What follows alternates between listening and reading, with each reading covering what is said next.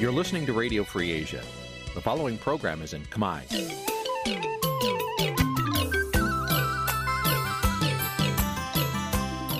Nǐ chi càm bi tiệp xáy vệt chiu a zì sê ray នេះជាកម្មវិធីផ្សាយរបស់ Vithu Azisari ជាភាសាខ្មែរ វត្តឈូអាស៊ីសេរីសូមស្វាគមន៍លោកអ្នកនាងទាំងអស់ពីរដ្ឋធានី Washington នៃសហរដ្ឋអាមេរិក បាទប្រធានាធិបតីវ៉ាស៊ីនតោនខ្ញុំបាទទីនសាការីយ៉ាសូមជម្រាបសួរលោកអ្នកកញ្ញាទាំងអស់ជាទីមេត្រីខ្ញុំបាទសូមជូនកម្មវិធីផ្សាយសម្រាប់ព្រឹកថ្ងៃអង្គារ7កើតខែមករាឆ្នាំថោះបញ្ញស័កពុទ្ធសករាជ2567ព្រឹកនៅថ្ងៃទី19ខែធ្នូគ្រិស្តសករាជ2023បាទជាដំបូងនេះសូមអញ្ជើញលោកនាងកញ្ញាស្ដាប់ព័ត៌មានប្រចាំថ្ងៃដែលមានមេត្តាដូចតទៅ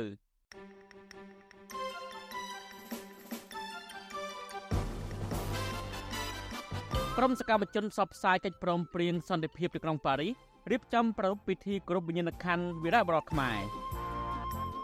គណៈបកកណ្ដាលអំណាចបន្ថែមរូបលោកហ៊ុនម៉ាណែតលើផ្ទាំងឃោសនាទន្ទឹមនឹងឪដែលគ្មានវត្តមានមេដឹកនាំតស៊ូសំខាន់សំខាន់ផ្សេងទៀតអ្នកខ្លំមើលថាកម្ពុជានឹងមិនបានផលចំណេញពីកិច្ចប្រជុំកំពូលអាស៊ានជប៉ុនទេបើសិនជាមិនស្ដារប្រជាធិបតេយ្យ អ្នកជំនាញវិស័យទេសចរលើកឡើងថាការដាក់ឲ្យប្រើប្រាស់ e-arrival មិនមែនជាការតាក់ទាញភ្ញៀវទេសចរអន្តរជាតិនោះទេរួមនឹងព័ត៌មានសំខាន់សំខាន់មួយចំនួនទៀតបាទលោកនាងទីមេត្រីជាបន្តទៀតនេះខ្ញុំបាទទីនសាការីយ៉ាសូមជូនព័ត៌មានពិស្ដាគណៈបកកណ្ដាលអំណាចបន្ថែមរូបលោកនាយរដ្ឋមន្ត្រីហ៊ុនម៉ាណែតនៅលើផ្ទាំងឃោសនាទន្ទឹមនឹងឪពុករបស់លោកគឺលោកហ៊ុនសែននៅលោកហេងសំរិន ប៉ុន្តែអ្នកក្លំមើលនឹងមន្ត្រីគណៈបកប្រឆាំងថាការរៀបចំរំលងមេដឹកនាំចាស់ចាស់ដែលមានស្នាដៃតស៊ូក្នុងជួរបកនឹងធ្វើឲ្យមានដំណោះផ្ទៃក្នុង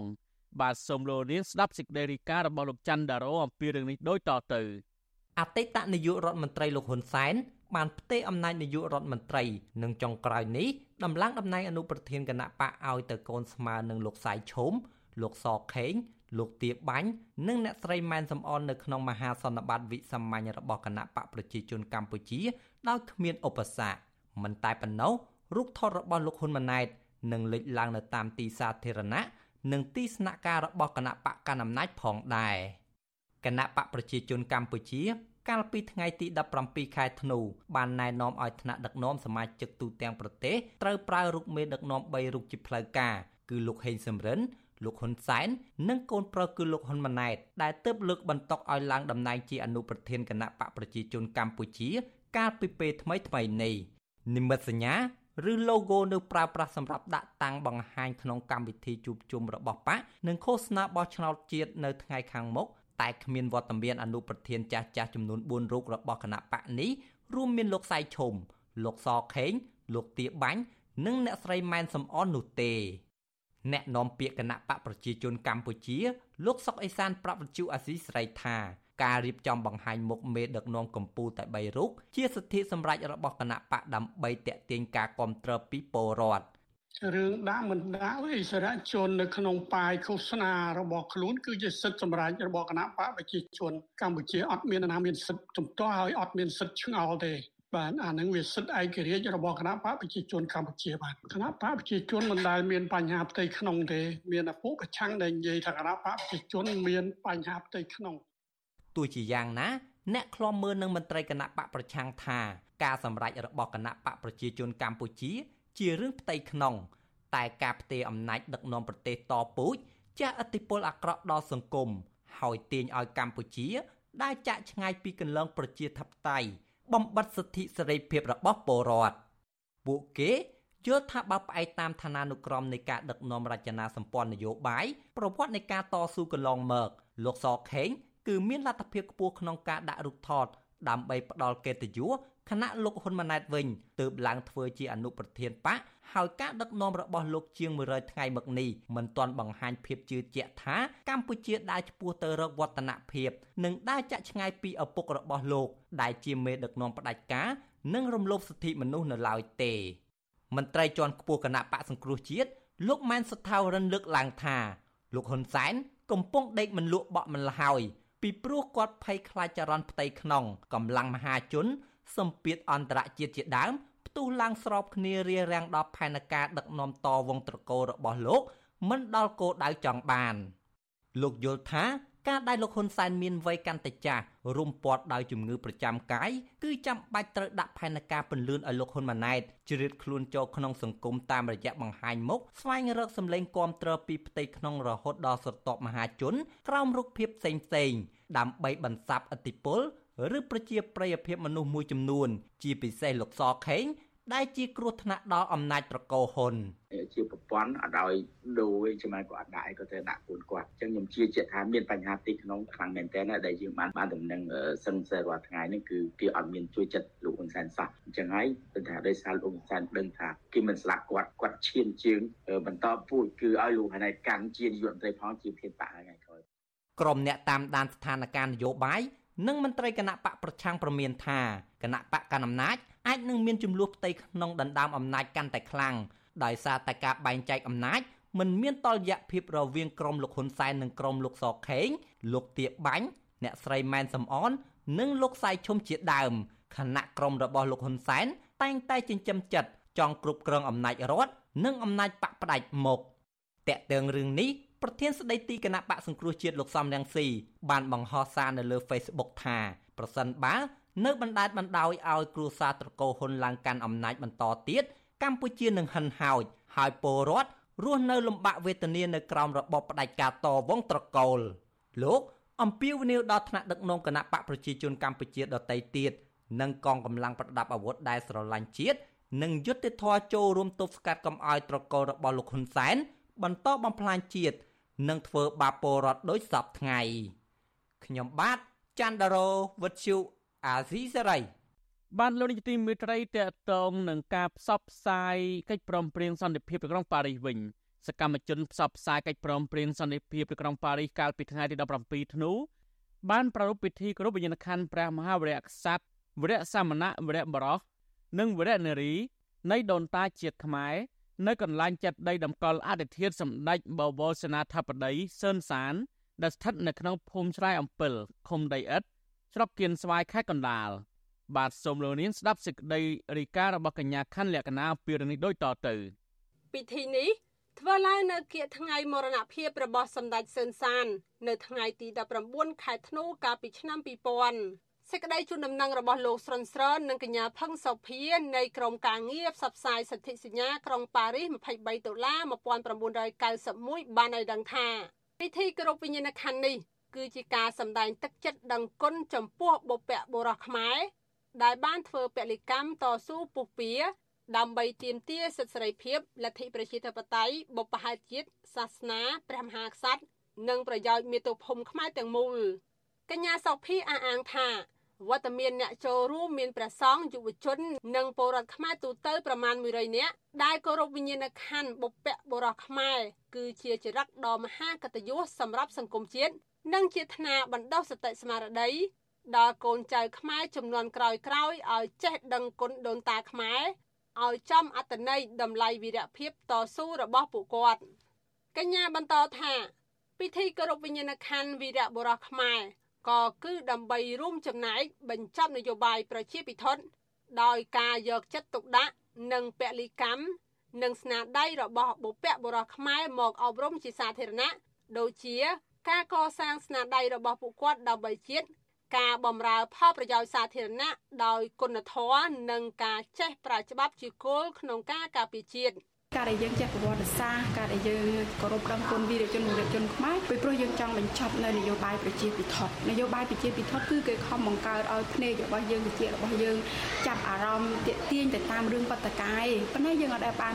យកស្នាដៃរបស់ដូនតាខ្មែរយើងយកមកអប់រំបណ្ដុះបណ្ដាលគ្នាទេអញ្ចឹងហើយបានយើងឃើញថាហេតុអីបានជាមានការជេរប្រមាថជាសាធារណៈហេតុអីបានជាមានរឿងនេះកើតឡើងមួយខែ3ខែ4ខែ អ្នកចូលរួមមួយរូបគឺកញ្ញាអានវណ្ណៈដែលជានិស្សិតច្បាប់នៅសាកលវិទ្យាល័យកម្ពុជាថ្លែងថាកញ្ញាពេញចិត្តដែលបានទៅចូលរួមគោរពវិញ្ញាណក្ខន្ធបុព្វបុរសខ្មែរក្នុងការដាស់ស្មារតីជាតិ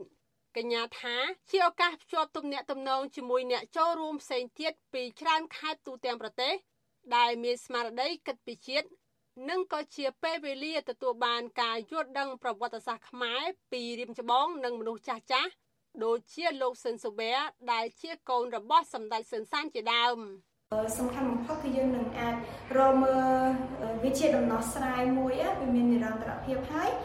យើងអាចចងក្បួននឹងទៅដល់អ្នកចំនួនក្រោយទៀតអញ្ចឹងនៅពេលដែលយើងរស់នៅក្នុងប្រទេសមួយហើយយើងដឹងអំពីប្រវត្តិសាស្ត្រនៃប្រទេសហ្នឹងធ្វើឲ្យយើងរឹងមាំហើយយើងស្គាល់អំពីទឹកដីក៏ដូចជាប្រវត្តិហើយនឹងចំណុចខ្លាំងចំណុចខ្សោយក៏ដូចជាដំណោះស្រាយដើម្បីបញ្ជៀសនៅបញ្ហាដែលធ្លាប់កើតមាននៅលើទឹកដីនោះផងដែរ អ្នកនាំពាក្យគណៈបកប្រជាជនកម្ពុជាលោកសុកអេសានប្រាប់វិសុអាស៊ីសេរីនៅថ្ងៃ18ធ្នូថាជាការយល់ឃើញមួយផ្នែកនិងជាសិទ្ធិសេរីភាពរបស់សកម្មជន ក្នុងការរៀបចំប្រារព្ធពិធីគោរពវិញ្ញាណក្ខន្ធអានឹងជាសិទ្ធិរបស់គាត់ទេយើងអត់មានអីទៅរារាំងឬមួយក៏វាយប្រហារលើគាត់ទេអានេះជាសិទ្ធិសេរីភាពយ៉ាងទូលំទូលាយរបស់គាត់ក្នុងការធ្វើអ្វីៗដែលគាត់យល់ឃើញថាគាត់ចង់ធ្វើ ជាឧត្តមប្រឹក្សាអតីតព្រះមហាវរៈក្សត្រព្រះបរមរតនកោដ្ឋនរោត្តមសីហនុគឺលោកស៊ិនសូបែដែលបានចូលរួមពិធីគោរពវិញ្ញាណក្ខន្ធនោះដែរបានថ្លែងដាស់តឿនកូនខ្មែរថា ប្រវត្តិនៃការបែកបាក់គឺកើតឡើងពីការលុបលុនហើយដើម្បីអាចរួបរวมសាមគ្គីគ្នាបានជាប់លាប់តើតែខ្មែរគ្រប់ភាគីគ្រប់ចំនួនត្រូវចេះប្រកាន់គោលសិលធម៌ដូចជាសិលធម៌នឹង4យ៉ាងដាច់ខាតគឺ ចិត្តស្មោះត្រង់ទី2ភាពបរិសុទ្ធដាច់ខាតសេចក្តីស្រឡាញ់ដាច់ខាតនិងអត់មានអាត្មានិយមដាច់ខាតអានឹងបើយើងរក្សាទាំង4សិលធម៌ហ្នឹងយើងអាចនៅរួបរวมដូចលោកក្មួយបានមានប្រសាសន៍ហើយណាអត់មានអាណាបបែកពិបាកយើងបានទេលោកស៊ិនសូបែបានរំលឹកអំពីសារៈសំខាន់នៃការបង្រួបបង្រួមជាតិ ពីការដឹកនាំតស៊ូរបស់សម្ដេចព្រះនរោត្តមសីហនុនិងសម្ដេចសឿនសានសម្ដេចសឿនសានត្រូវបានចាត់ទុកជាមេដឹកនាំនយោបាយស្អាតស្អំមួយរូបជាមេដឹកនាំតស៊ូប្រឆាំងកុម្មុយនីសនិងជាអ្នកបំពេញបេសកកម្មជាច្រើន ដើម្បីសន្តិភាពនិងការពារផលប្រយោជន៍ប្រជាពលរដ្ឋខ្មែរសម្ដេចសុនសានធ្លាប់បម្រើការជានាយករដ្ឋមន្ត្រីទី22របស់កម្ពុជា ចាប់ពីឆ្នាំ1967ដល់ឆ្នាំ1968ក្នុងសម័យសង្គមរាស្ត្រនិយមនៃសម្ដេចព្រះនរោត្តមសីហនុនិងក្រោយមកជាប្រធានសភាធម្មនុញ្ញបន្ទាប់ពីការបោះឆ្នោតឆ្នាំ1993ដែលរៀបចំឡើងដោយអ៊ុនតាក់អង្គការសហប្រជាជាតិសម្ដេចសឿនសាន គឺជាអិសរាជជនខ្មែរមួយរូបដែលជាអ្នកបន្តវងត្រកូលអុកញ៉ាសេនាបតីសឿនគុយ ដែលជាបុព្វបុរសជាតិកម្ពុជាក្រោមខ្ញុំខណ្ឌលក្ខណាវុទ្ធុអាស៊ីសេរី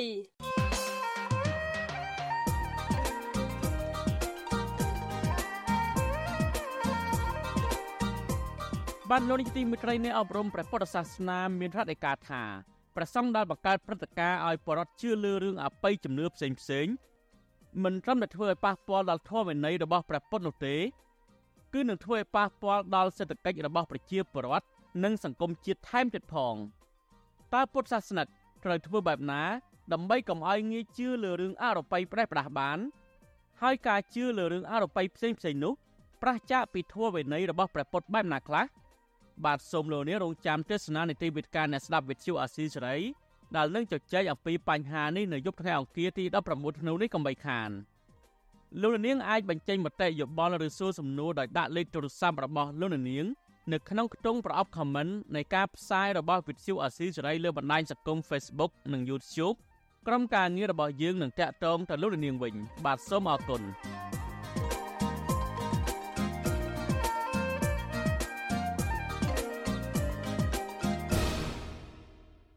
បានលោកនាយទីមេត្រីតកតងនឹងរឿងលោកហ៊ុនម៉ាណែតទៅចូលរួមកិច្ចប្រជុំកំពូលអាស៊ានជប៉ុននៅឯប្រទេសជប៉ុនឯណោះវិញអ្នកខ្លំមើលលើកឡើងថាកិច្ចប្រជុំកំពូលរំលឹកខួបអនុស្សាវរីយ៍អាស៊ានជប៉ុនអបអរសាទរឆ្នាំទី50នៃមិត្តភាពនិងកិច្ចសហប្រតិបត្តិការរវាងអាស៊ាននិងជប៉ុនកម្ពុជានឹងមិនទទួលបានផលចំណេញពីកិច្ចប្រជុំនេះឡើយបើសិនជាកម្ពុជា នៅតែមិនស្ដារប្រជាធិបតេយ្យឡើងវិញទៅនោះការលើកឡើងនេះគឺបន្ទាប់ពីមេដឹកនាំទាំងអស់ សម្រាប់អនុម័តទស្សនវិស័យរួមមួយដែលផ្ដោតលើកិច្ចសហប្រតិបត្តិការលើវិស័យសន្តិសុខនិងសេដ្ឋកិច្ចដោយយកការគោរពច្បាប់ជាធំបាទសូមលោកនាងស្ដាប់សេចក្តីរាយការណ៍របស់លោកមានរិទ្ធអំពីរឿងនេះដូចតទៅអ្នកខ្លំមើលស្ថានភាពនយោបាយលើកឡើងថាប្រសិនបើរដ្ឋាភិបាល នៅតែមិនគោរពសិទ្ធិមនុស្សនិងបណ្តែតបណ្ដោយឲ្យលំហូរជនជាតិចិនមួយចំនួនចូលមកបង្កអសន្តិសុខនៅក្នុងសង្គម នោះកិច្ចប្រជុំកំពូលអាស៊ានជប៉ុនដែលផ្ដោតលើវិស័យសន្តិសុខនិងវិស័យសេដ្ឋកិច្ចនឹងមិនផ្ដល់ផលចំណេញដល់កម្ពុជានោះឡើយអ្នកតាមដានភូមិសាស្ត្រតំបន់អាស៊ីអាគ្នេយ៍និងប៉ាស៊ីហ្វិកលោកសេងវ៉ាន់លីប្រាប់វិសុវអាស៊ីសេរីនៅថ្ងៃទី18ខែធ្នូថាដើម្បីអាចទាញផលប្រយោជន៍ពីខ្សែចង្វាក់ផលិតកម្មពីបណ្ដាប្រទេសអាស៊ាននិងជប៉ុនកម្ពុជាគួរតែដោះស្រាយបញ្ហានៃការពង្រឹងលទ្ធភាពទីផ្សារតាមរយៈកិច្ចព្រមព្រៀងពាណិជ្ជកម្ម ពង្រឹងការអនុវត្តច្បាប់ឲ្យមានតម្លាភាពនៅតាមស្ថាប័នរដ្ឋដើម្បីកាត់បន្ថយអំពើពុករលួយ និងស្ដារលទ្ធិប្រជាធិបតេយ្យឡើងវិញលោកបន្តថាប្រសិនបើកម្ពុជាដោះស្រាយបញ្ហាទាំងនេះបាន នោះកម្ពុជានឹងទទួលបានផលចំណេញយ៉ាងច្រើនពីការវិនិយោគដែលធ្វើឲ្យសេដ្ឋកិច្ចកម្ពុជាអាចប្រកួតប្រជែងនៅលើទីផ្សារអន្តរជាតិហើយក្រុមហ៊ុនជប៉ុនច្រើនដែលព្យាយាមបង្វែរផលិតកម្មរបស់ខ្លួនមកដល់អាស៊ានហើយក្រុមហ៊ុនទាំងនោះភាគច្រើនគឺសម្រាប់រើសប្រទេសវៀតណាមឥណ្ឌូនេស៊ីម៉ាឡេថៃជាទីតាំងផ្លាស់ប្ដូរផលិតកម្មរបស់ខ្លួនជាជាងប្រទេសជាកម្ពុជាអញ្ចឹងខ្ញុំគិតថាកត្តាដូចជាប្រសិទ្ធភាពនៃអបាលកិច្ចរបស់រដ្ឋាភិបាលហើយនិងគុណភាពបទបញ្ញត្តិហើយនិងនីតិរដ្ឋនិងការគ្រប់គ្រងអំពើពុករលួយនោះវាជាកត្តារាំងស្ទះដល់ភាពតាក់ទាញរបស់កម្ពុជាសម្រាប់ក្រុមហ៊ុនវិនិយោគបរទេសកិច្ចប្រជុំកំពូលរំលឹកខួបអនុស្សាវរីយ៍អាស៊ានជប៉ុនដើម្បីអបអរសាទរឆ្នាំទី50នៃមិត្តភាពនិងកិច្ចសហប្រតិបត្តិការអាស៊ានជប៉ុន ប្រព្រឹត្តទៅនៅទីក្រុងតូក្យូមានរយៈពេល3ថ្ងៃគឺចាប់ពីថ្ងៃទី16ដល់ថ្ងៃទី18ខែធ្នូ កាលពីថ្ងៃទី17ខែធ្នូក្រុមមេដឹកនាំនៅក្នុងតំបន់អាស៊ាន និងមេដឹកនាំជប៉ុន បានអនុម័តនៅចក្ខុវិស័យរួមគ្នាមួយផ្ដោតលើកិច្ចសហប្រតិបត្តិការលើវិស័យសន្តិសុខនិងសេដ្ឋកិច្ចដោយយកការគ្រប់ច្បាប់ជាធំ សេចក្តីប្រកាសព័ត៌មានរបស់ក្រសួងការបរទេសកម្ពុជា នៅថ្ងៃទី18ខែធ្នូឲ្យដឹងថាក្នុងជំនួបទ្វេភាគី រវាងរដ្ឋមន្ត្រីការបរទេសកម្ពុជា លោកសុកចិន្តាសុភា និងរដ្ឋមន្ត្រីការបរទេសជប៉ុន អ្នកស្រី Kamigawa Yuko បានបដិញ្ញាបន្តពង្រឹងនិងពង្រីកបន្ថែមនៅទំនាក់ទំនងទ្វេភាគីនិងកិច្ចសហប្រតិបត្តិការពហុវិស័យរួមមានវិស័យនយោបាយសេដ្ឋកិច្ចហេដ្ឋារចនាសម្ព័ន្ធការពារជាតិនិងសន្តិសុខ បោសសម្អាតមីនប្រតិបត្តិការរក្សាសន្តិភាព ការផ្លាស់ប្តូរប្រជាជននិងប្រជាជន រួមទាំងការអភិវឌ្ឍ Digital និងសន្តិសុខអ៊ីនធឺណិត ដោយឡែកសេចក្តីប្រកាសព័ត៌មានរបស់ក្រសួងការបរទេសជប៉ុន កាលពីថ្ងៃទី17ខែធ្នូបង្ហាញថាភាគីកម្ពុជានិងជប៉ុន បានគូបញ្ជាក់អំពីការធ្វើការរួមគ្នា ដើម្បីពង្រឹងភាពជាដៃគូយុទ្ធសាស្ត្រគ្រប់ជ្រុងជ្រោយរវាងប្រទេសទាំងពីរនិងសម្ដាប់ធ្នាប់អន្តរជាតិសេរីនិងបើកចំហដោយយកការគោរពច្បាប់ជាធំ លោកនាយរដ្ឋមន្ត្រីហ៊ុនម៉ាណែតឲ្យដឹងតាមរយៈទំព័រ Facebook របស់លោកនៅថ្ងៃទី18ខែធ្នូថាកម្ពុជានិងជប៉ុនបានចុះហត្ថលេខាលើឯកសារកិច្ចសហប្រតិបត្តិការចំនួន7រួមមានគម្រោងអភិវឌ្ឍមជ្ឈមណ្ឌលផ្ទុកទិន្នន័យជាតិគម្រោងអភិវឌ្ឍប្រព័ន្ធគ្រប់គ្រងការផ្គត់ផ្គង់ទឹកស្អាតបែប Digital ក្នុងតំបន់ទីប្រជុំជនកិច្ចសហប្រតិបត្តិការលើគម្រោងធម្មពលព្រះអាទិត្យឬសូឡានិងគម្រោងមួយចំនួនទៀត កិនមកទល់ពេលនេះគេនៅមិនទាន់ដឹងថាតើកិច្ចព្រមព្រៀងទាំងនេះមានតម្លៃជាទឹកប្រាក់ជាក់លាក់ប៉ុន្មាននោះទេរីឯក្រសួងការបរទេសជប៉ុនក៏នៅមិនទាន់បង្ហាញលទ្ធផល ស្ដីពីគម្រោងកិច្ចសហប្រតិបត្តិការទាំងនេះនៅឡើយដែរ ទីភ្នាក់ងារសារព័ត៌មាន AP របស់អាមេរិករាយការណ៍កាលពីថ្ងៃទី17ខែធ្នូឲ្យដឹងថានៅទន្ទឹមនឹងការចូលរួមកិច្ចប្រជុំកំពូលនេះប្រទេសម៉ាឡេស៊ីបានសម្រេចកិច្ចព្រមព្រៀងជាមួយជប៉ុនក្នុងទឹកប្រាក់ជិត3លានដុល្លារខណៈប្រទេសឥណ្ឌូនេស៊ីទទួលបានជំនួយឥតសំណងពីប្រទេសជប៉ុន ចំនួនជាង64លានដុល្លារដើម្បីពង្រឹងសមត្ថភាពសន្តិសុខលំហសមុទ្រ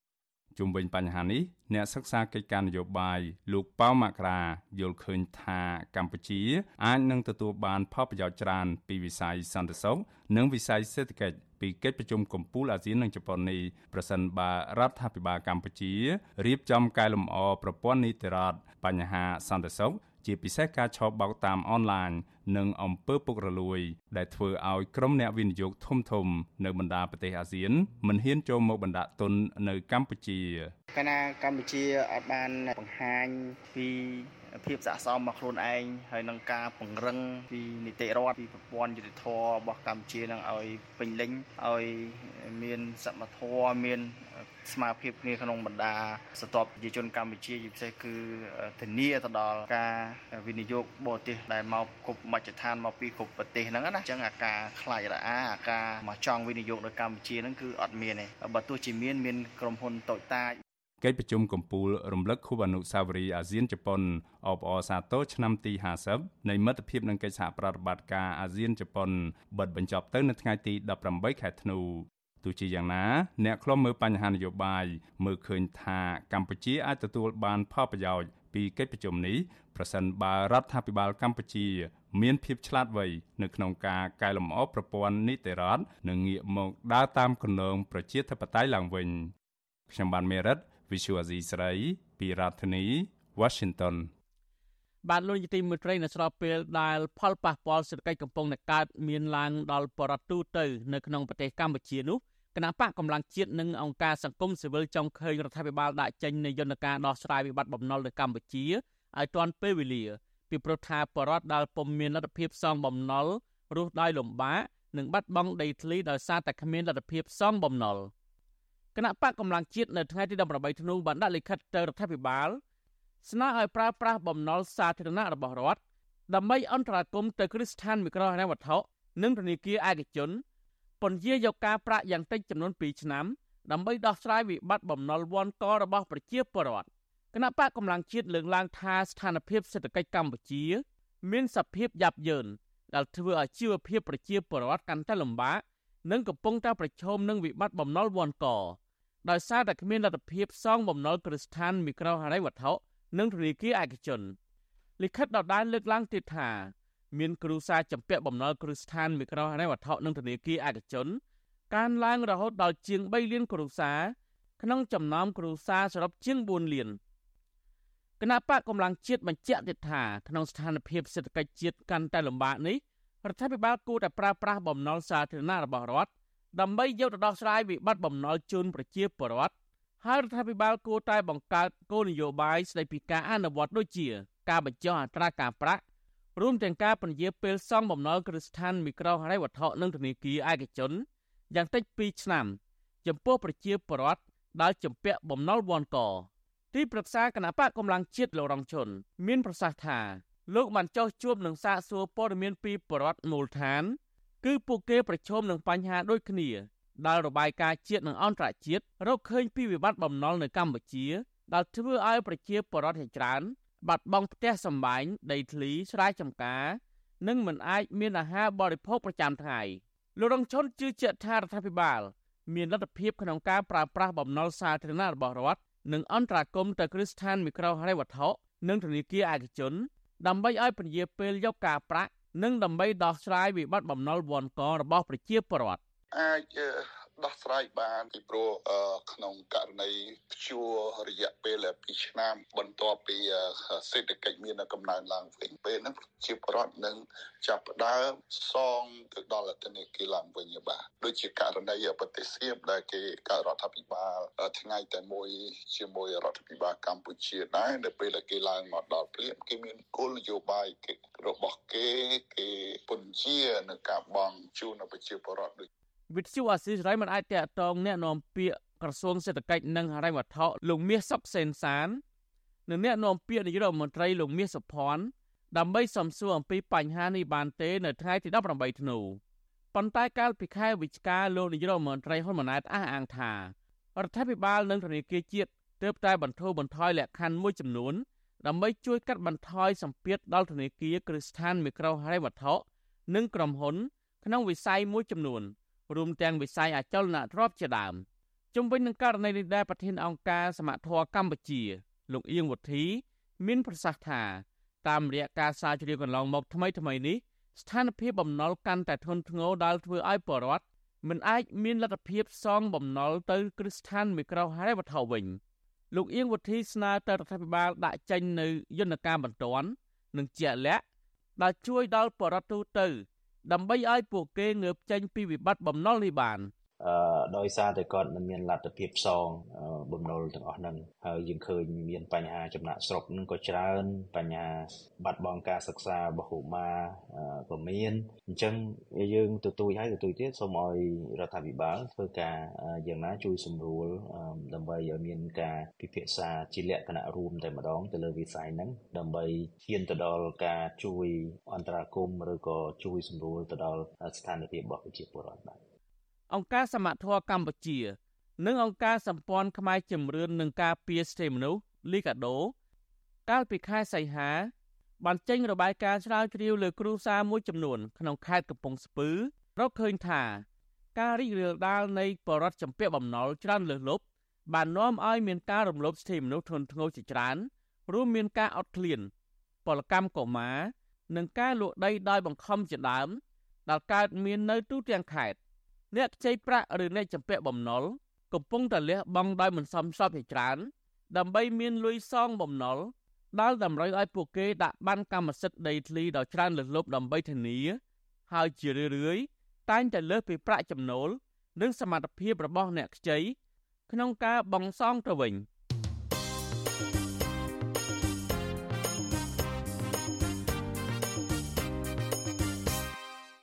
បាទលោកនាយកទីមេត្រីតេតទៅនឹងការផ្ដាល់ដីសម្បត្តិសេដ្ឋកិច្ចវិញលោកនាយរដ្ឋមន្ត្រីហ៊ុនម៉ាណែតអះអាងថាឪពុករបស់លោកកាត់ដីគម្រោងប្រៃឈើជិត100ហិកតាឲ្យឈ្មោះហេងសួរដែលជាអ្នកវិនិយោគ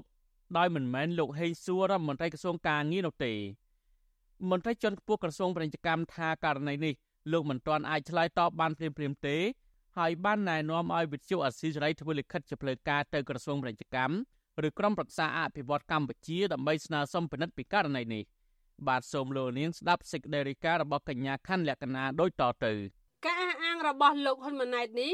ធ្វើឡើងក្នុងពេលលោកជួបសំណេះសំណាលជាមួយពលរដ្ឋខ្មែរនៅប្រទេសជប៉ុន កាលពីថ្ងៃទី16ខែធ្នូឆ្នាំ2023លោកហ៊ុនម៉ាណែតថ្លែងថាឪពុករបស់លោកដែលជាអតីតនាយករដ្ឋមន្ត្រី ដែលបានកាត់ដីគម្របព្រៃឈើឆ្នាំ2002ជិត100ហិកតានៅក្រុងបូកូខេត្តកំពត កាលពីថ្ងៃទី9ខែសីហាឆ្នាំ2023នោះ គឺប្រគល់ឲ្យឈ្មោះហេងសួរជាអ្នកវិនិយោគមិនមែនឈ្មោះហេងសួរដែលជារដ្ឋមន្ត្រីក្រសួងកាងារបណ្ដុះបណ្ដាលនិងវិជ្ជាជីវៈសប្តាហ៍ថ្ងៃនេះទេមកចោទរដ្ឋាភិបាលថាអីណាឲ្យមិនវាន់ទៅ លោកហេងសួររដ្ឋមន្ត្រីក្រសួងកាងារបណ្ដុះបណ្ដាលវិជ្ជាជីវៈ100ហិកតាដើម្បីស្អីណាស្អីណាដើម្បីពុកអលួយស្អីស្អីចឹងតាហាសួរបងសួរបងសួរឯងបាន100ហិកតាអត់ទេបង ឈ្មោះហេសួរមែនប៉ុន្មានខ្ញុំទេ លោកហេសួរនោះ62ឆ្នាំ តែយ៉ាងណាលោកហ៊ុនម៉ាណែតមិនបានលាតត្រដាងឲ្យច្បាស់ទេ អំពីអត្តសញ្ញាណឈ្មោះហេងសួរដែលឪពុករបស់លោកកាត់ដីឲ្យនោះអញ្ចឹងឲ្យទៅលឺឯកឧត្តមហេងសួរឥឡូវបងប្អូនឯកឧត្តមហេងសួរនេះអត់បាន100ហិកតាទេគេវាយចង់ស្ពឹកហើយ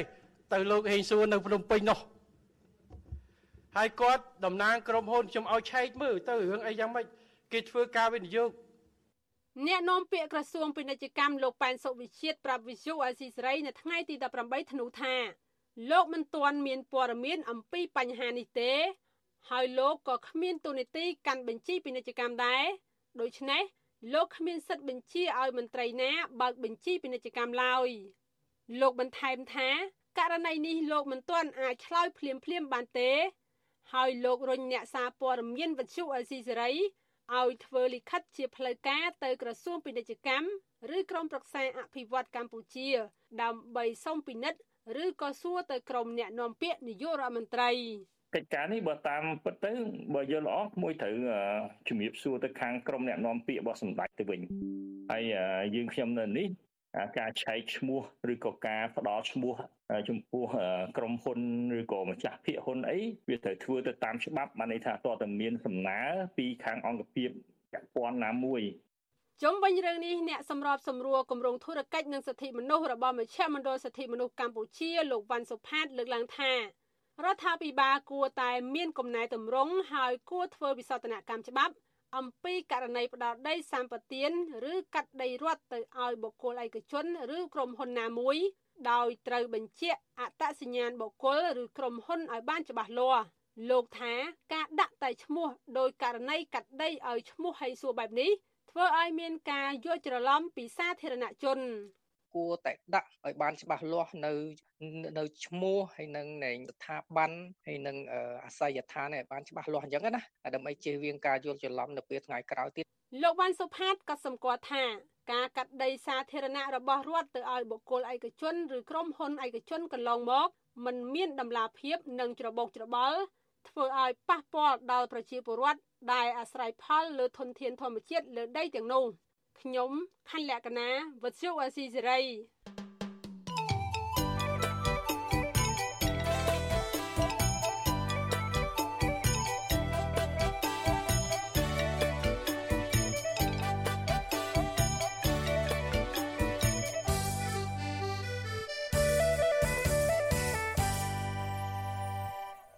បានលោកនីតិមួយត្រីតទៅនៅវិស័យទេសចរនៅកម្ពុជាវិញ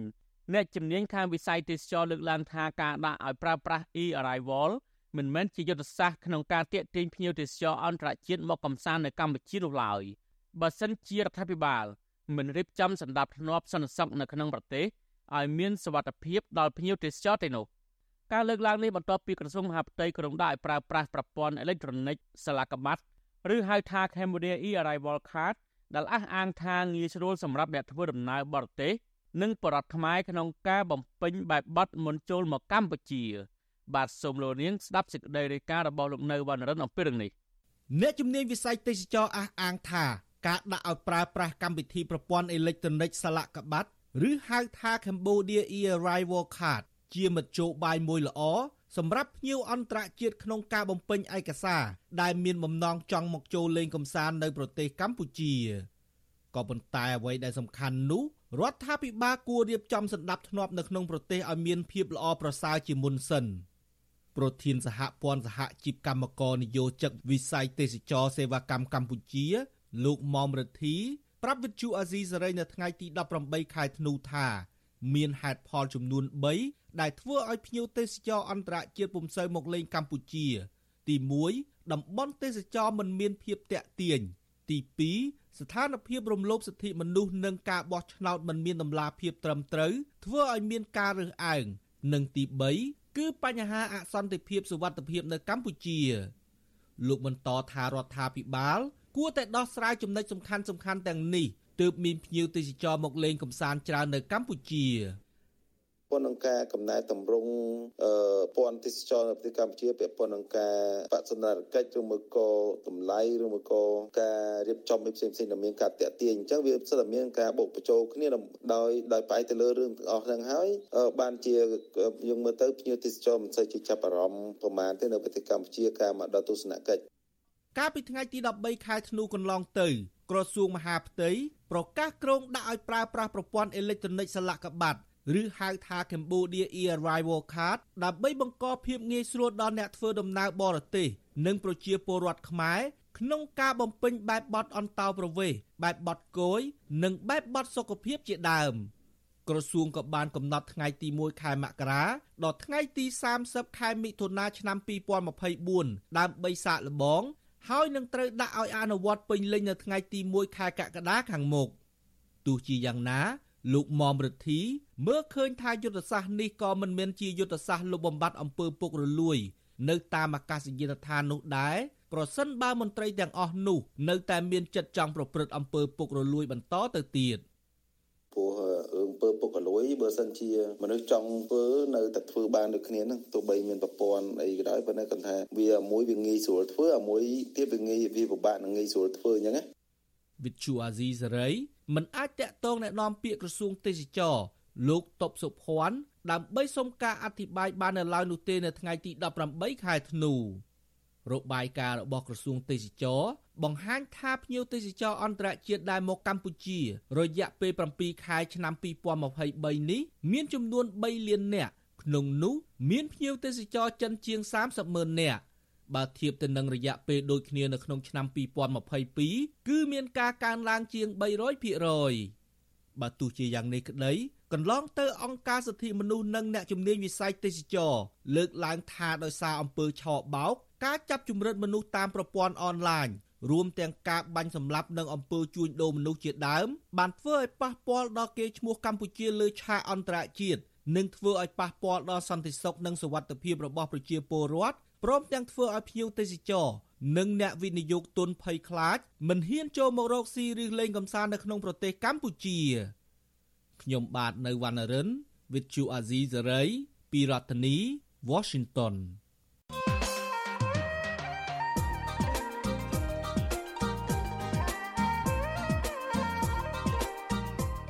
បានលោកនាយកទីមេត្រីនៃអប់រំព្រះពុទ្ធសាសនាមានរដ្ឋឯកាថាប្រសង់ដែលបង្កើតព្រឹត្តិការណ៍ឲ្យបរិវត្តជឿលើរឿងអបិយជំនឿផ្សេងផ្សេងមិនត្រឹមតែធ្វើឲ្យប៉ះពាល់ដល់ធម៌វិន័យរបស់ព្រះពុទ្ធនោះទេគឺនឹងធ្វើឲ្យប៉ះពាល់ដល់សេដ្ឋកិច្ចរបស់ប្រជាពលរដ្ឋនិងសង្គមជាតិថែមទៀតផងតើពុទ្ធសាសនិកត្រូវធ្វើបែបណា ដើម្បីកុំឲ្យងាយជឿលើរឿងអរូបីប្រេះផ្ដាស់បាន ហើយការជឿលើរឿងអរូបីផ្សេងផ្សេងនោះប្រះចាកពីធម៌វិន័យរបស់ព្រះពុទ្ធបែបណាខ្លះ បាទសូមលោកនាងរងចាំទស្សនានីតិវិទ្យាអ្នកស្ដាប់វិទ្យុអាស៊ីសេរីដែលនឹងជជែកអំពីបញ្ហានេះនៅយប់ថ្ងៃអង្គារទី19ធ្នូនេះកុំបីខានលោកនាងអាចបញ្ចេញមតិយោបល់ឬសួរសំណួរដោយដាក់លេខទូរស័ព្ទរបស់លោកនាងនៅក្នុងខ្ទង់ប្រអប់ comment នៃការផ្សាយរបស់វិទ្យុអាស៊ីសេរីលើបណ្ដាញសង្គម Facebook និង YouTube ក្រុមការងាររបស់យើងនឹងតាក់ទងទៅលោកនាងវិញ បាទសូមអរគុណ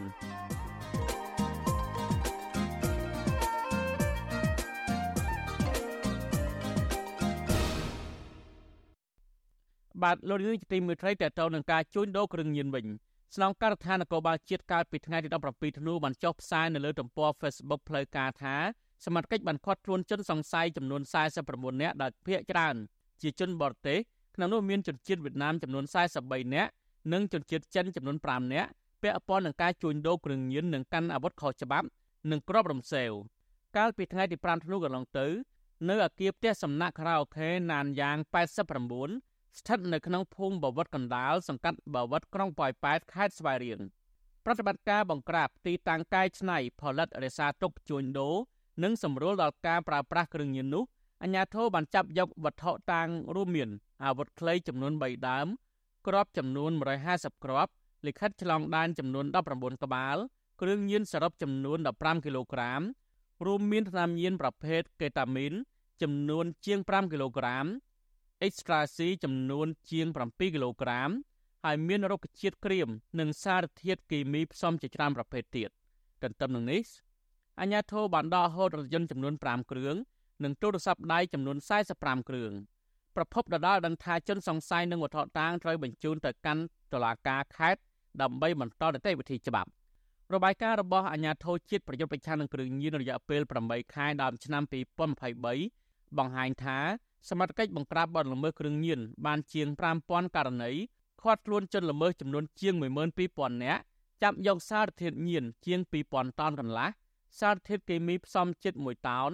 រួមនឹងវត្ថុតាងពាក់ព័ន្ធមួយចំនួនទៀត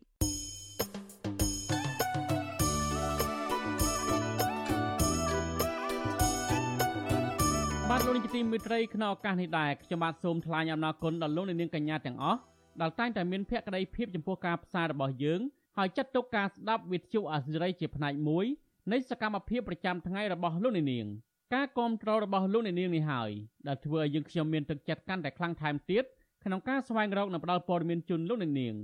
មានអ្នកស្ដាប់មានអ្នកទស្សនាកាន់តែច្រើនកាន់តែធ្វើឲ្យយើងខ្ញុំមានភាពស្វាហាប់មោះមុតជាបន្តទៅទៀតយើងខ្ញុំសូមអរគុណទុកជាមុនហើយសូមអញ្ជើញលោកនាងកញ្ញាចូលរួមជំរុញឲ្យសកម្មភាពផ្តល់ព័ត៌មានរបស់យើងនេះ កាន់តែជោគជ័យបន្ថែមទៀតលោកនាងអាចជួយយើងខ្ញុំបានដោយគ្រាន់តែចុចចែករំលែកឬ share ការផ្សាយរបស់យើងនៅលើបណ្ដាញសង្គម Facebook និង YouTube ទៅកាន់មិត្តភ័ក្តិដើម្បីឲ្យការផ្សាយរបស់យើងបានទៅដល់មនុស្សកាន់តែច្រើនសូមអរគុណ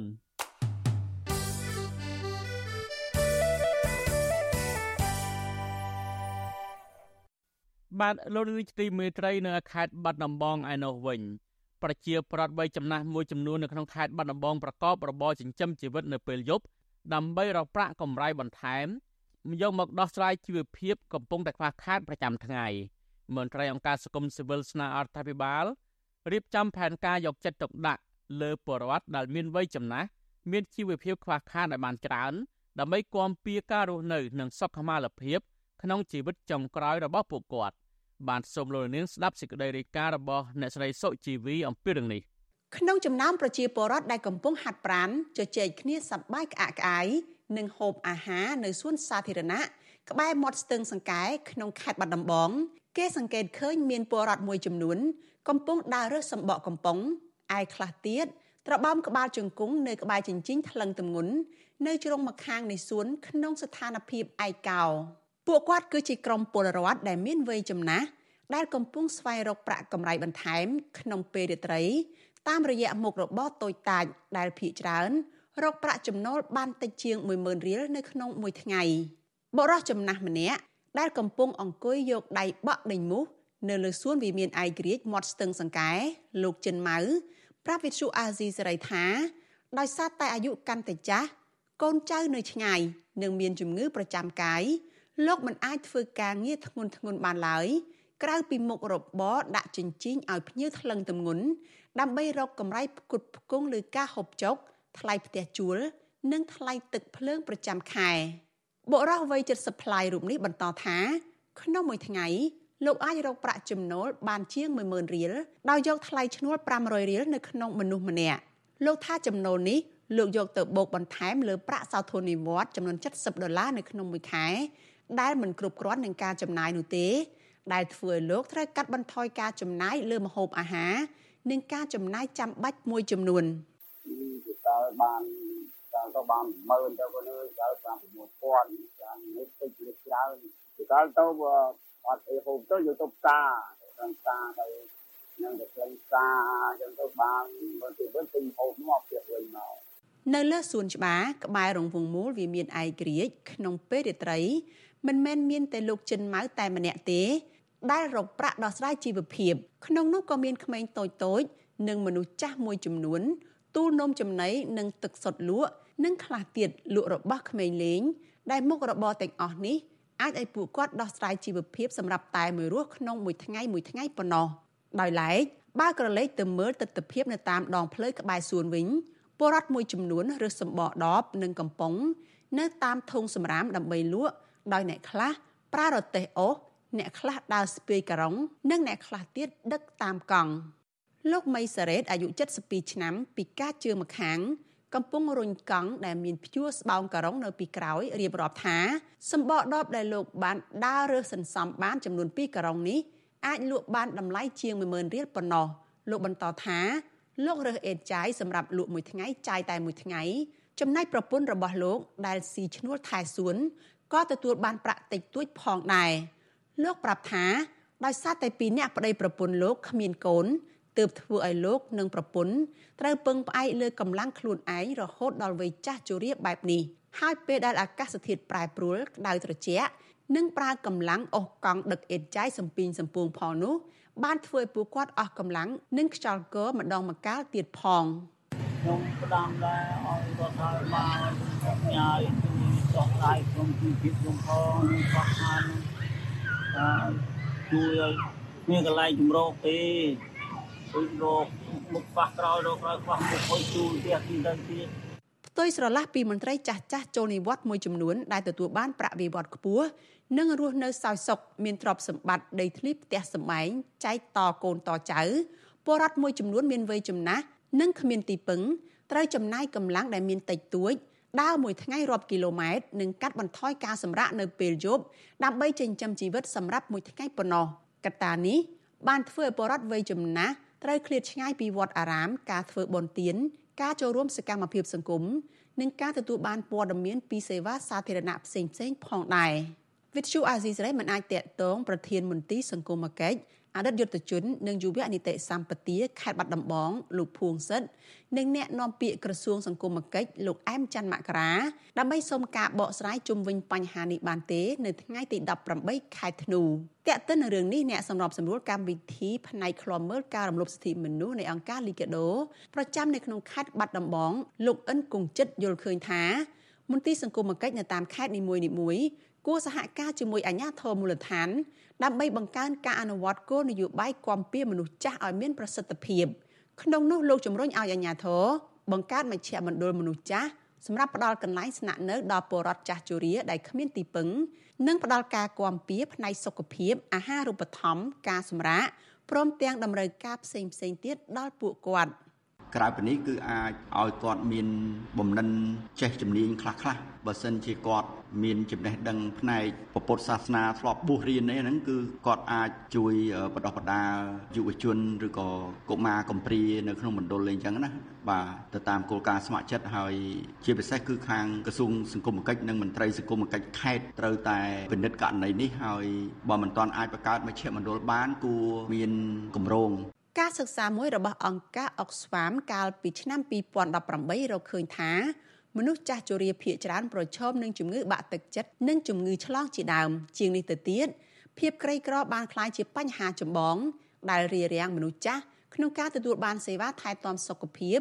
និងមិនបានទទួលប្រាក់សោធននិវត្តន៍ពីរដ្ឋាភិបាលឡើយទោះជាយ៉ាងណា កាលពីខែតុលាឆ្នាំ2023 អង្គការកម្មវិធីអភិវឌ្ឍសហប្រជាជាតិប្រចាំប្រទេសកម្ពុជាហៅកាត់ថា UNDP បានសិក្សានៅក្នុងការសាកល្បងគោលនយោបាយថ្មីមួយគឺយកវត្តអារាមជាមូលដ្ឋាន ដើម្បីបង្កើតសហគមន៍សម្រាប់មនុស្សចាស់ក្នុងខេត្តចំនួន7រួមមានខេត្តកំពង់ធំត្បូងឃ្មុំ ស្វាយរៀងបាត់ដំបង ព្រះវិហារសៀមរាប និងបន្ទាយមានជ័យ UNDP ថាវត្តអារាមអាចជាទីស្ថានមួយ ផ្ដល់ដំណោះស្រាយដល់ប្រជាជនដែលមានវ័យចំណាស់នៅក្នុងប្រទេសកម្ពុជាដោយសារមនុស្សកាន់តែមានវ័យចាស់កាន់តែមានទម្លាប់ទៅវត្តអារាម។មនុស្សចាស់ដែលប្រកបរបរនៅក្នុងផ្នែកសេដ្ឋកិច្ចក្រៅប្រព័ន្ធស្នើរដ្ឋាភិបាលបង្កើតគោលនយោបាយដើម្បីជួយទ្រទ្រង់សុខុមាលភាពរបស់ពួកគាត់ជាពិសេសទៅលើសេវាសុខាភិបាល និងកិច្ចគាំពារសង្គមព្រោះពួកគាត់មិនមានប្រាក់ចូលនិវត្តន៍និងនៅសេសសល់ទ្រព្យសម្បត្តិដោយមន្ត្រីរាជការឡើយ នាងខ្ញុំសុជីវីវិទ្យុអាស៊ីសេរីពីរដ្ឋធានី Washington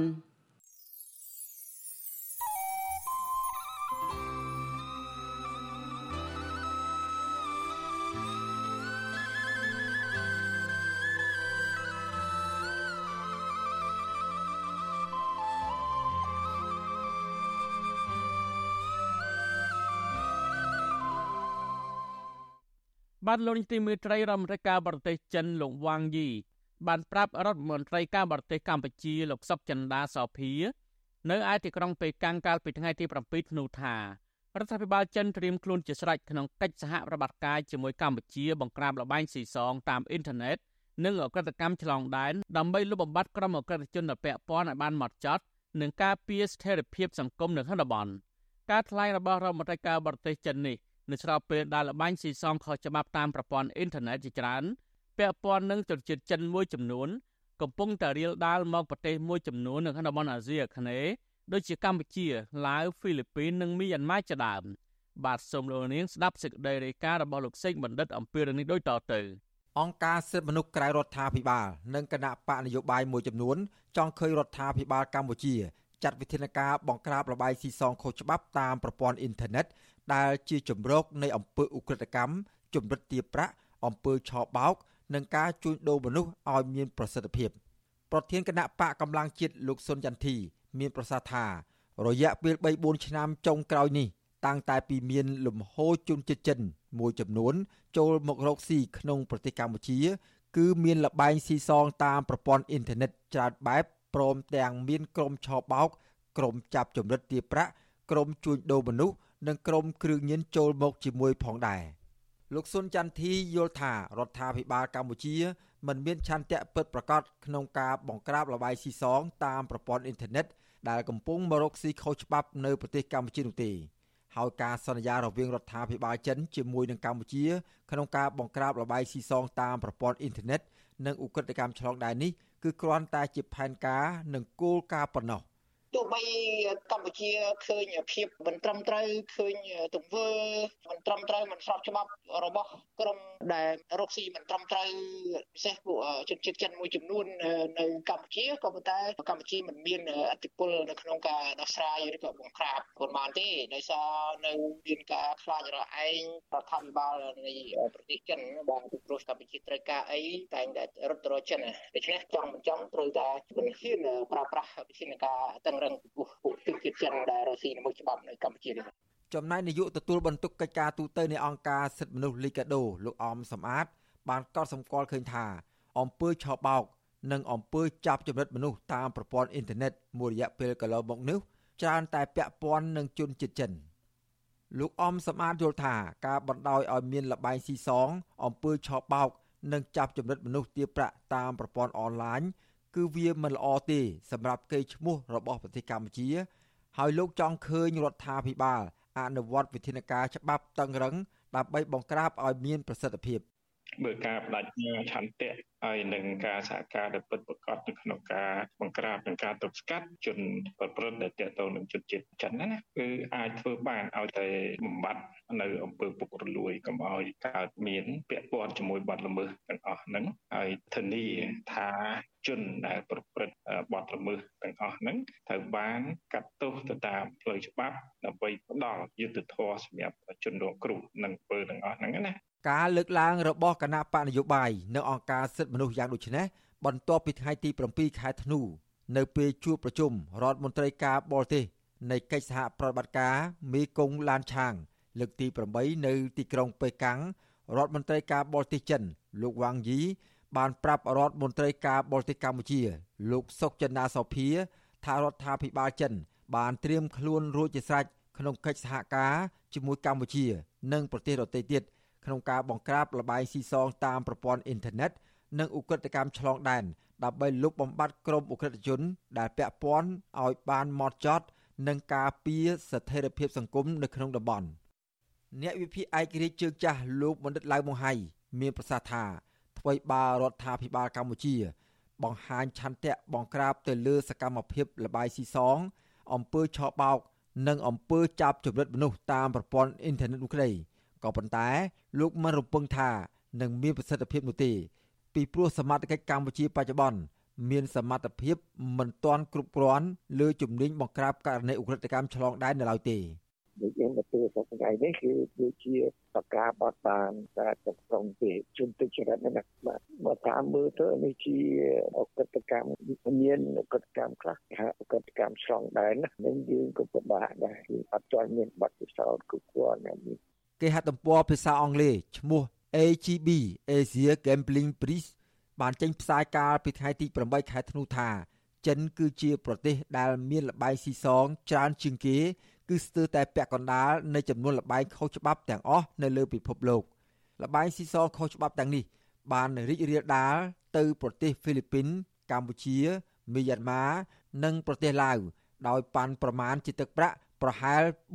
425,000លានដុល្លារអាមេរិក នៅក្នុងប្រទេសកម្ពុជាលបាយស៊ីសងខុសច្បាប់តាមប្រព័ន្ធអ៊ីនធឺណិតបានកើតមានខ្លាំងចាប់តាំងពីមានលំហូរជនជាតិចិនចូលមករកស៊ីនៅក្នុងខេត្តប្រសេអនុកាលពី3 4ឆ្នាំមុននេះវត្តមានជនជាតិចិនមួយចំនួន កំពុងធ្វើឲ្យកម្ពុជា មានវិបត្តិសង្គមជាច្រើន និងអំពើឧក្រិដ្ឋកម្មដូចជាអំពើឆបោកអំពើចាប់ចរិតមនុស្សតាមប្រព័ន្ធអ៊ីនធឺណិតការបាញ់សម្លាប់មនុស្សអំពើជួញដូរគ្រឿងញៀននិងការជួញដូរមនុស្ស ព្រមទាំងការលាងលុយកខ្វក់ជាដើមទោះយ៉ាងណាវិទ្យុអាស៊ីសេរីនៅពុំទាន់អាចសុំការអធិប្បាយពីអ្នកនាំពាក្យក្រសួងមហាផ្ទៃលោកទូចសុខៈនិងអ្នកនាំពាក្យក្រសួងការបរទេសលោកអានសុខឿនបាននៅឡើយទេនៅថ្ងៃទី26ខែធ្នូដោយសារតែលោកទាំងពីរមិនទទួលទូរស័ព្ទក៏ប៉ុន្តែកាលពីខែសីហាឆ្នាំ2019ក្រសួងមហាផ្ទៃនៃប្រទេសកម្ពុជាធ្លាប់បានប្រកាសបិទអាជីវកម្មលបែងស៊ីសងតាមប្រព័ន្ធអ៊ីនធឺណិត ធ្វើឲ្យជនជាតិចិនប្រមាណ40ម៉ឺននាក់ចាក់ចេញពីខេត្តប្រសេអនុនៅដើមឆ្នាំ2020នាយកអង្គការសិទ្ធិមនុស្សអាត6លោកនីសុខា មានប្រសាសន៍ថាបើទោះបីជារដ្ឋាភិបាលធ្លាប់មានចំណាត់ការ បង្ក្រាបលបែងស៊ីសងតាមប្រព័ន្ធអ៊ីនធឺណិតធ្វើឲ្យជនជាតិចិនជាច្រើនម៉ឺននាក់នៅខេត្តប្រសេអនុបានចាក់ចេញក្តីក៏ប៉ុន្តែបច្ចុប្បន្ននេះនៅតាមកន្លែងជាច្រើន គឺនៅតែមានលបែងស៊ីសង និងអំពើចាប់ចម្រិតមនុស្សទាប្រាក់ តាមអ៊ីនធឺណិតកើតមាននៅឡើយលោកនីសុខាចង់ឃើញសមត្ថកិច្ចរដ្ឋាភិបាលអនុវត្តវិធានការច្បាប់ឲ្យបានម៉ឺងម៉ាត់ក្នុងការបង្ក្រាបលបាយស៊ីសង និងអំពើចាប់ជំរិតមនុស្សទាប្រាក់តាមប្រព័ន្ធអ៊ីនធឺណិតទាំងនោះឲ្យមានប្រសិទ្ធភាព កម្ពុជាមិនគួរคลายទៅជាទីតាំងនៃកន្លែងដែលមិនត្រឹមត្រូវឬក៏កន្លែងដែលប្រព្រឹត្តនៅអំពើធ្វើឲ្យមានភាពអសន្តិសុខដែលវាអាចជះឥទ្ធិពលមិនល្អមកដល់ប្រទេសយើងពិសេសគឺវាអាចជះឥទ្ធិពលទៅដល់បញ្ហាភ្ញៀវទេសចរផ្សេងផ្សេងឬក៏អ្នកចង់ចូលមកក្នុងប្រទេសយើងដែលគេមានការបារម្ភអំពីបញ្ហាអសន្តិសុខទាំងអស់ហ្នឹងទេអញ្ចឹងយើងចង់ឃើញរដ្ឋាភិបាលកម្ពុជាមានធានាការឲ្យបានច្បាស់លាស់និងឲ្យបានម៉ឺងម៉ាត់កុំឲ្យមានជនប្រព្រឹត្តឬក៏អ្នកដែល នៅពីក្រោយខ្នងនៃការប្រព្រឹត្តអំពើទាំងអស់នឹងណាមួយត្រូវបានរួចខ្លួនបាទនេះដែលយើងចង់ឃើញអង្គការសិទ្ធិមនុស្សឲ្យដឹងទៀតថាការបណ្តែតបណ្តោយឲ្យលបាយស៊ីសងតាមប្រព័ន្ធអ៊ីនធឺណិតនៅតែបន្តកើតមានយ៉ាងដូចនេះបានធ្វើឲ្យក្រមប្រឹក្សាអង្គការសហប្រជាជាតិទទួលបន្ទុកសិទ្ធិមនុស្សក៏មានកង្វល់ព្រមទាំងចេញរបាយការណ៍ស្ដីពីការកើនឡើងនៃអំពើឆបោកការចាប់ចម្រិតនិងបទល្មើសផ្សេងៗទៀតតាមប្រព័ន្ធអ៊ីនធឺណិតនៅប្រទេសកម្ពុជាដែរ អង្គការសិទ្ធិមនុស្សយល់ឃើញថាអំពើឆបោកការចាប់ចម្រិតមនុស្សតាមប្រព័ន្ធអនឡាញរួមទាំងការបាញ់សម្លាប់និងអំពើជួញដូរមនុស្សជាដើមក្រៅតែពីធ្វើឲ្យកម្ពុជាប៉ះពាល់កេរ្តិ៍ឈ្មោះយ៉ាងខ្លាំងវាក៏ធ្វើឲ្យប៉ះពាល់ដល់សន្តិសុខនិងសុវត្ថិភាពរបស់ប្រជាពលរដ្ឋព្រមទាំងធ្វើឲ្យភ្ញៀវទេសចរនិងអ្នកវិនិយោគទុនបរទេសភ័យខ្លាចមិនហ៊ានចូលមកលេងនិងរកស៊ីនៅប្រទេសកម្ពុជាថែមទៀតខ្ញុំបាទសេកបណ្ឌិត វិទ្យុអាស៊ីសេរីពីរដ្ឋធានីវ៉ាស៊ីនតោន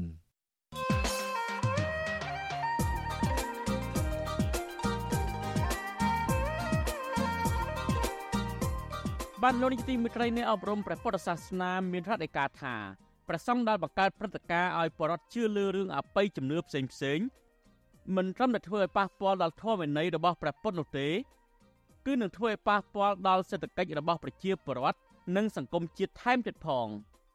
តើពុទ្ធសាសនិកត្រូវធ្វើបែបណា ដើម្បីកុំឲ្យងាយជឿលើរឿងអរូបីប្រេះផ្ដាស់បាន ហើយការជឿលើរឿងអរូបីផ្សេងផ្សេងនោះប្រះចាកពីធម៌វិន័យរបស់ព្រះពុទ្ធបែបណាខ្លះបាទសូមលោកនាងរងចាំទេសនានីតិវិទ្យាអ្នកស្ដាប់វិទ្យុអាស៊ីសេរីដែលនឹងជជែកអំពីបញ្ហានេះនៅយប់ថ្ងៃអង្គារទី19ធ្នូនេះកំបីខាន។លោកនាងអាចបញ្ចេញមតិយោបល់ឬសួរសំណួរដោយដាក់លេខទូរស័ព្ទរបស់លោកនាង នៅក្នុងខ្ទង់ប្រអប់ comment នៃការផ្សាយរបស់វិទ្យុអាស៊ីសេរីលើបណ្ដាញសង្គម Facebook និង YouTube ក្រុមការងាររបស់យើងនឹងតាក់ទងទៅលោកនាងវិញ បាទសូមអរគុណ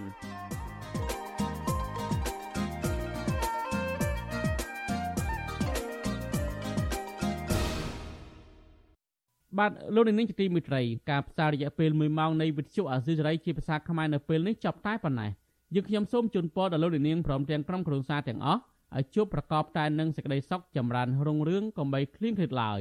ខ្ញុំបាទធីនសាករិយាព្រមទាំងក្រុមការងារទាំងអស់នៃវិទ្យុអាស៊ីសេរីសូមអរគុណនិងសូមជម្រាបលា